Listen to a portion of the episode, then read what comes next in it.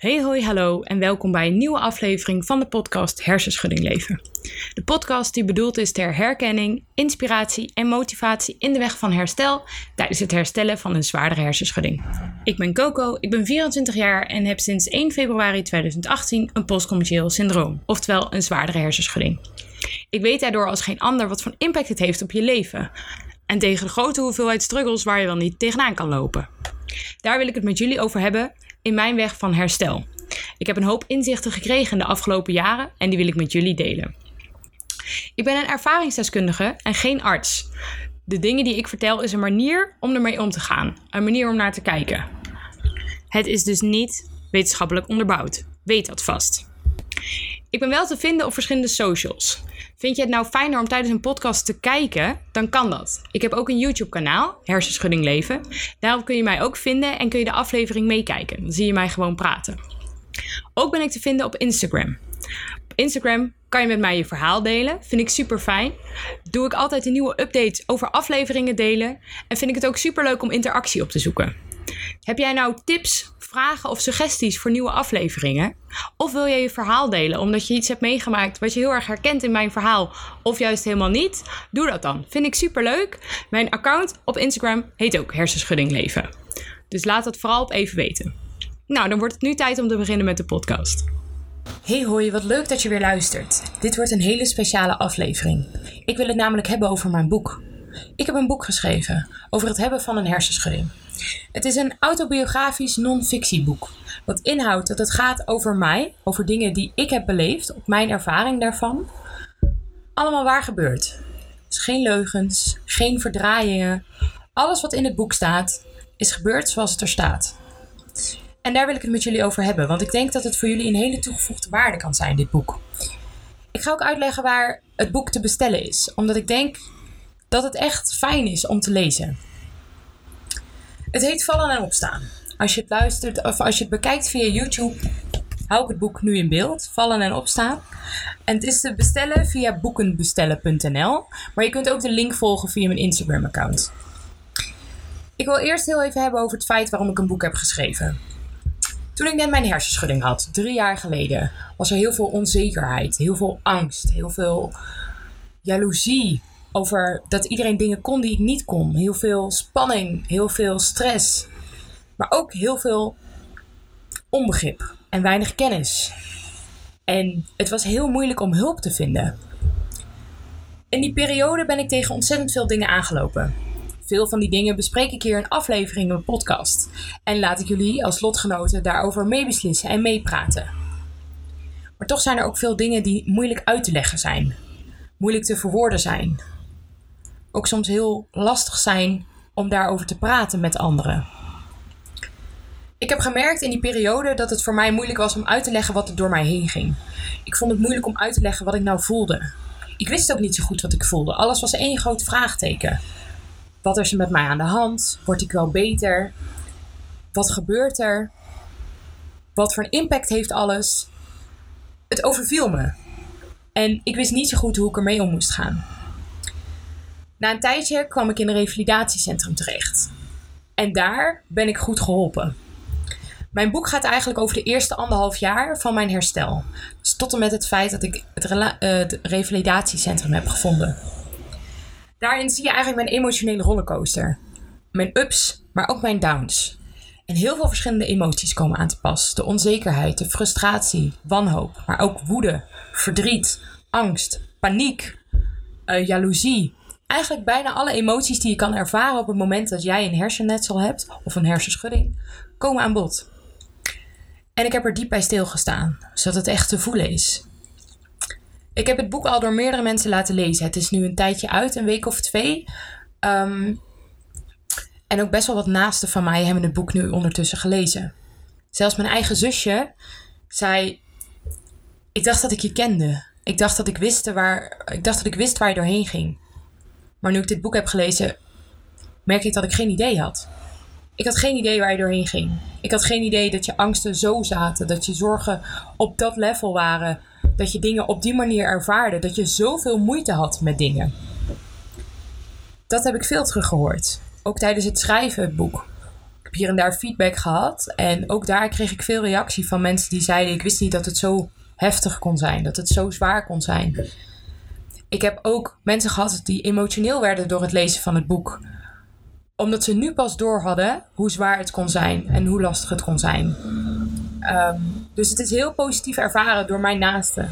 En ik merk dat er een stuk meer begrip is. Als mensen nu aan mij vragen van zullen we iets doen? Dan vragen ze meteen, lukt dat wel? Moet ik naar jou komen? Ehm, gaat dat met de trein? Moet de muziek zachter? Mensen snappen het. Mensen snappen het echt. En daarom denk ik dat dit boek voor jou een hele toegevoegde waarde kan zijn. Ten eerste zul jij je er denk ik in herkennen. Misschien niet in alles. Misschien niet in hoe het allemaal is gelopen. Maar wel in de emoties die, uh, die ik heb ervaren en die jij ongetwijfeld ook ervaart. Ik denk dat het ook heel herkenbaar is. Um, maar daarnaast ook heel fijn is om te lezen dat iemand snapt waar je doorheen gaat. En voor naasten is het dus ook een heel goed boek.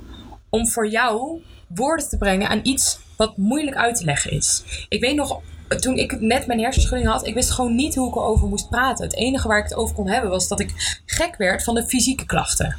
Hoofdpijn, draaierig, duizelig, overprikkeld. Maar dat zijn fysieke dingen. De mentale dingen, die kwamen niet eens aan te pas. Die worden ook nergens besproken, omdat er al zo weinig kennis over is. Ik heb die mentale dingen nu woorden gegeven. Zodat het uit te leggen valt, zodat het te zien valt en te lezen. En ik denk dat dit boek daarom voor jou een hele toegevoegde waarde kan zijn. Daarom dat ik deze afle aflevering maak. Het boek gaat echt over de mentale strijd die ik heb gevoerd. En ik denk dat die mentale strijd niet per se persoonsgebonden is. Ik denk dat iedereen die een hersenschudding heeft, min of meer deze mentale strijd heeft. Sommigen meer, sommigen minder. Sommigen bepaalde, um, ervaren bepaalde emoties heftiger dan dat ik dat bijvoorbeeld doe. Maar ik denk dat dit boek wel een voorbeeld kan bieden en een houvast. Um, en ook een boodschap en inspiratie. Dus daarom denk ik dat dit boek echt hele toegevoegde waarde kan zijn. Ik ben ook ontzettend benieuwd wat je ervan vindt. Um, ik heb hier de afgelopen half jaar super veel aan gewerkt. Elke dag. Um, ik heb alles opnieuw herbeleefd wat ik heb meegemaakt en dat vond ik heel zwaar. Maar het heeft me ook een hele mooie tijd gebracht. Ik snap nu heel goed waarom ik bepaalde dingen doe. In emoties en gedachten die ik nu terugzie op papier, snap ik waarom ik bepaalde dingen doe. En dat komt heel anders naar voren dan in de bepaalde afleveringen die ik maak, waarin ik bepaalde onderwerpen uitlicht. Daarom denk ik dat dit boek echt hele toegevoegde waarde is. Het is ook nog iets wat ik nergens heb teruggelezen. Ik heb meerdere boeken gelezen over een hersenschudding en hersenletsel.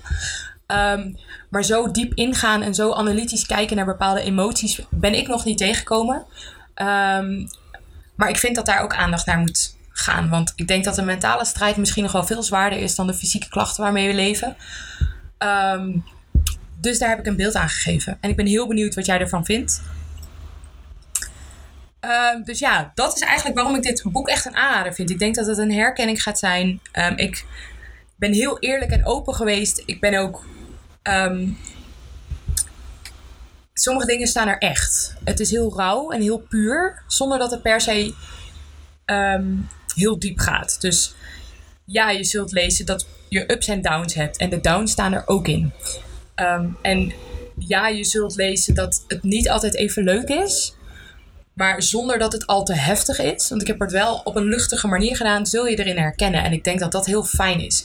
En um, ik wou dat er zo'n boek was toen ik dit had. Ja, dat wou ik echt. Omdat ik denk dat het mij eh, had geholpen in het feit dat ik denk van... Het is normaal wat ik voel. Dit hoort erbij. En het had me ook een soort hoop gegeven. In het komt weer beter. Het gaat weer beter. En alles wat ik voel hoort erbij, is normaal. En ik, ja, ik wou echt dat dit boek er was geweest toen ik uh, in het begin van mijn herstel zat. Ik ben nu een stuk verder. Ik ben nu ook een stuk zelfverzekerder. Ik weet nu een stuk meer over mijn lichaam. Ik ken mijn grenzen een stuk beter. Ik ben er nog steeds mee aan het zoeken, maar ik weet een stuk beter wat ik aan kan. En mijn grenzen zijn al enorm verlegd. Maar ik denk dat dit boek nog steeds echt een aanrader kan zijn. Ook denk ik dat het voor naasten heel interessant kan zijn. Um, omdat het uitlegt wat er gebeurt in je hoofd. Omdat het zonder dat jij dat per se hoeft te doen. Het is gewoon heel moeilijk om uit te leggen waar je doorheen gaat als je er middenin zit. En ik denk op het moment dat je er wat afstand van hebt, dat je er veel dat je het veel beter en analytischer kan bekijken. Ehm, ik ben sowieso best wel analytisch ingesteld en dat is in dit boek heel erg te lezen. De emoties zijn heel erg bekeken vanuit een afstandje, met de gedachten die erbij horen. Hoe komt het nou? Wat voel ik? En wat heeft waarmee te maken? En ik denk dat het daarom voor naast ook heel fijn is, omdat die gewoon ineens een beeld hebben bij wat je voelt. Ineens snappen ze het. Ineens snappen ze waarom jij overprikkeld bent, hoe dat werkt, hoe dat voelt, waar je allemaal doorheen gaat. Ineens gaan ze rekening houden met je. Dat zullen ze al doen, maar ik denk dat ze het nu beter begrijpen. Dus dit is ook zeker daarvoor uh, een aanrader. En het geeft echt woorden aan iets wat moeilijk uit te leggen is. En ik denk dat het daarom heel belangrijk is. Uh, zoals ik al net zei, het boek is te bestellen via boekenbestellen.nl of via de link via Instagram. Maar ik wil nog wel even speciaal voor jullie, want dit kregen vrienden niet. Um, een stukje uit dit boek voorlezen, zodat je enig idee hebt hoe het ongeveer gaat. Het is maar één hoofdstuk uit het hele boek. Er zijn natuurlijk veel meer hoofdstukken en er zijn ook veel meer emoties die aan de pas komen. Ik ga eerst even de omslag lezen en daarna ga ik een hoofdstuk in het boek lezen, of een gedeelte daarvan. Zodat je enig idee hebt hoe het ongeveer is, wat de taal is die erin gesproken wordt. Um, en dan kun je ook zien van trekt dit mij aan of niet.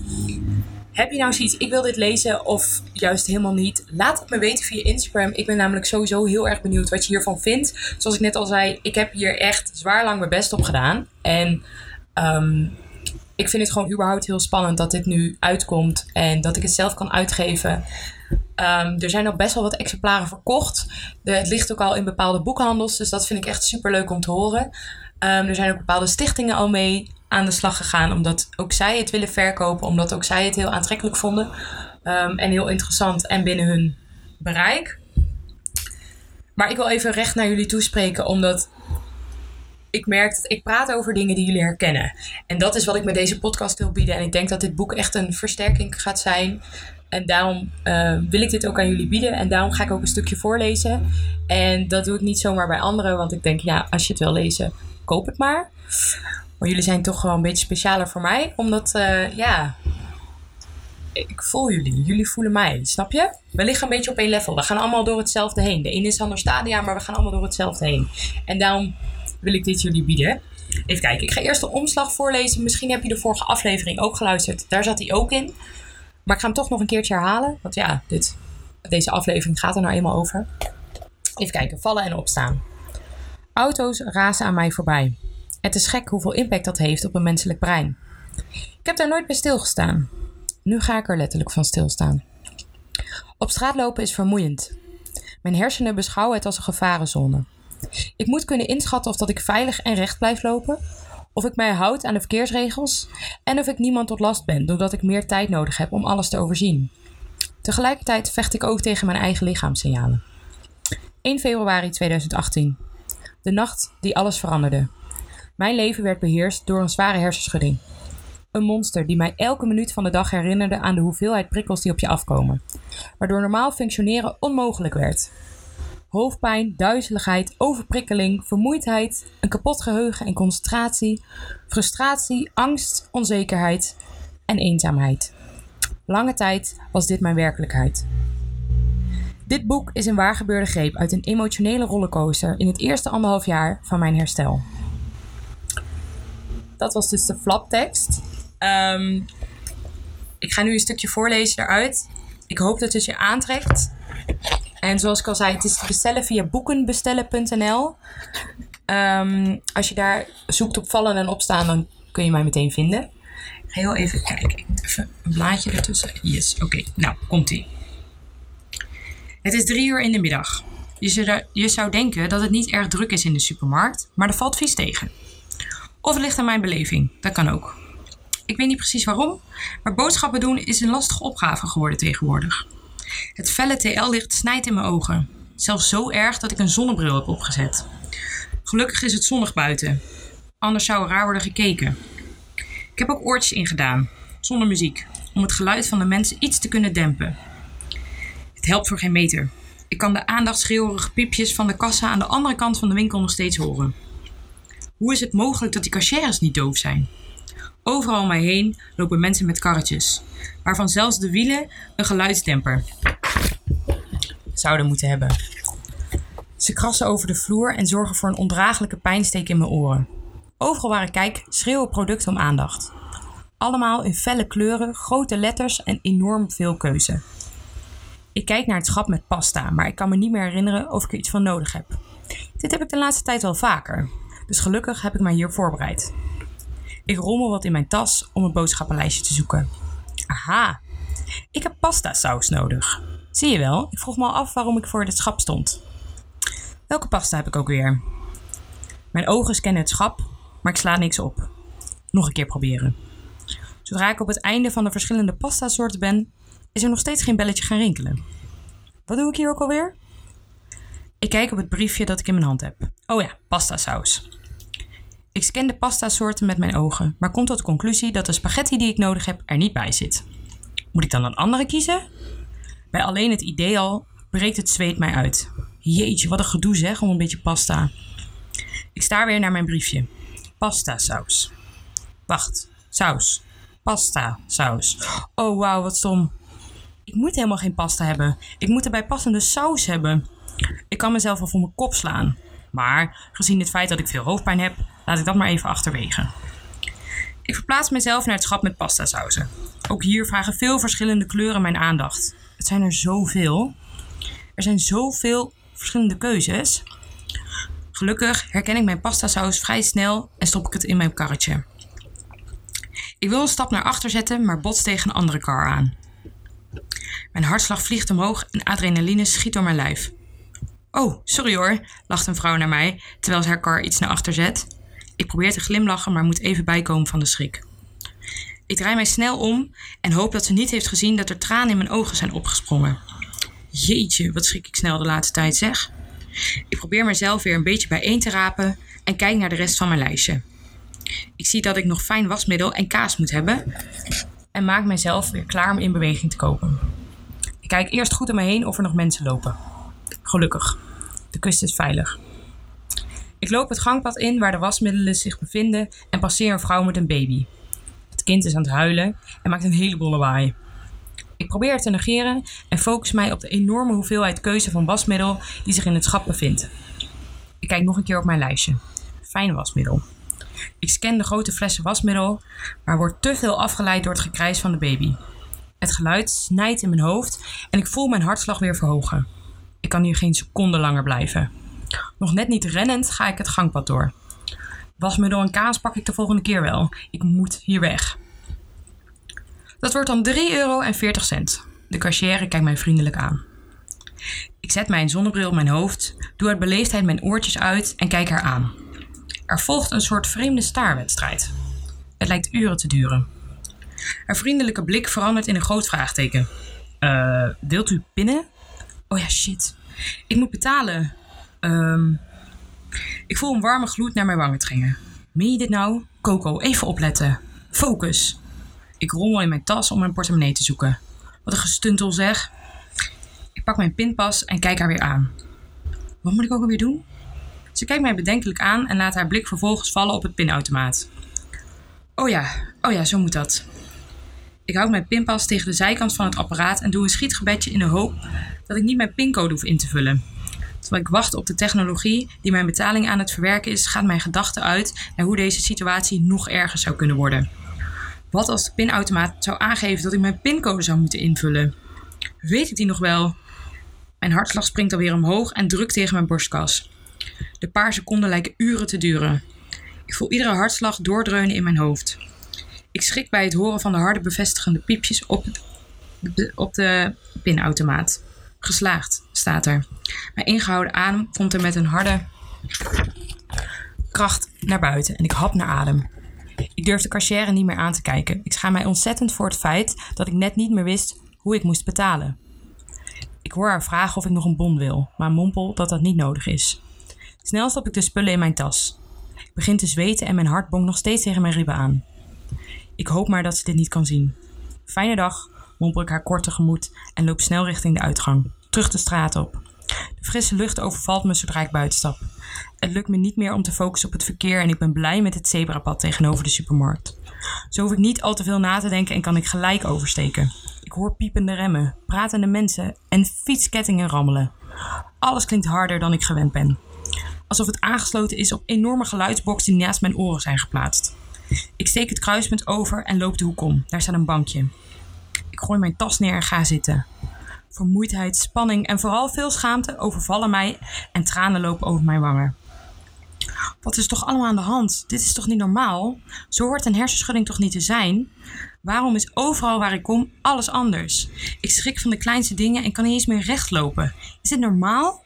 Hoort dit? Gaat het nog wel weg? Ik begin hevig, ik begin hevig te snikken, maar ik ben me ervan bewust dat ik in het openbaar ben. Ik probeer mezelf te herpakken, maar de tranen willen niet stoppen. Ik pak met trillende vingers mijn telefoon uit mijn jaszak en bel mijn moeder. Hé hey meisje, hoe gaat het? hoor ik zodra ze opneemt. Het horen van haar stem laat mij breken en ik barst in een huilbui. Ach meisje, gaat het niet goed? hoor ik haar bezorgd vragen terwijl ik hevig snik. Mama, ik ben zo bang. Ik heb zo'n hoofdpijn en het wordt maar niet minder. Mijn hele lichaam doet gek. Wat voel je precies dan? vraagt ze. Mijn moeder en ik hebben een hechte band. Ze weet alles van mij. Mijn moeder is een hele lieve en tegelijkertijd een hele sterke vrouw. Ze is heel zorgzaam, maar vecht ook voor haar eigen mening. Ze runt haar eigen praktijk in de medische sector en heeft een heel ondernemend en krachtig karakter. Van dat karakter heb ik een groot deel overgenomen. We houden beide enorm van structuur en controle, maar vechten ook voor onafhankelijkheid en vrijheid. Toen ik een puber was, kon dat enorm botsen. Zij wilde controle over mij, terwijl ik vrijheid wilde en onafhankelijkheid. Maar nu zijn we jaren verder en is zij een van de personen die het dichtste bij mij staat. Haar kinderen zijn het allerbelangrijkste voor haar en ik kan altijd bij haar terecht. Ik voel me veilig bij haar. Zij kent mij beter dan dat ik mezelf ken. En dat heb ik nodig. Iemand die mij kan geruststellen en vertellen wat normaal is en wat niet. Zeker nu, in een situatie waar alles onveilig voelt, is zij mijn veilige haven. Ze is op dit moment de enige die mij gerust kan stellen en kan kalmeren. En dat is ook precies wat ze doet. Mijn moeder is van het aanpakken. Samen bedenken we manieren om ervoor te zorgen dat ik weer een beetje rustig word. Huisgenootjes vragen voor boodschappen de volgende keer bijvoorbeeld. Ook stelt ze mij gerust dat de signalen die ik ervaar kunnen horen bij een hersenschudding. Na een periode van rust nemen ze waarschijnlijk vanzelf wel af. Langzaamaan zie ik het weer een beetje zitten. Mijn tranen zijn opgedroogd en de zon brandt op mijn gezicht. Besef mij dat mijn zonnebril nog altijd in mijn haren rust. Ik zet hem weer voor mijn ogen en doe mijn oortjes weer in mijn oren. Tijd om de straat weer te trotseren. Tijd om naar huis te gaan. Nou, dat was één hoofdstuk uit het boek. Ik ben heel benieuwd wat je ervan vond. Laat het me alsjeblieft weten. Echt waar, want ik heb hier zoveel moeite voor gedaan. En ik vind het zo fijn om te horen wat mensen ervan vinden. Ook als het boekje helemaal niet aanspreekt, laat dat me ook weten. Ik vind eerlijke feedback ook heel fijn. Daar heb ik altijd iets aan. Ehm, en verder zou ik zeggen, tot de volgende aflevering. Oké, doei doei! Dit was het weer voor deze keer. Ik hoop dat je het interessant vond en dat je het leuk hebt gevonden. Vond je nou iets herkenbaar of heb je juist iets totaal anders ervaren? Laat het me dan weten via Instagram. Dat vind ik echt super leuk. Het account was Hersenschudding Leven. Luister jij via Apple Podcast of iTunes, dan heb ik nog een laatste vraag voor je. Door middel van de sterren kun je daar aangeven hoe hoog een podcast in de ranking komt. Hoe hoger de podcast in de ranking komt, hoe meer mensen de podcast kunnen vinden. Dan kunnen meerdere mensen zich herkennen in de afleveringen en zo kunnen we elkaar allemaal een stukje helpen. Als je dat voor mij nog zou willen doen, vind ik je echt een topper. Oké, nou, tot de volgende keer. Doei doei!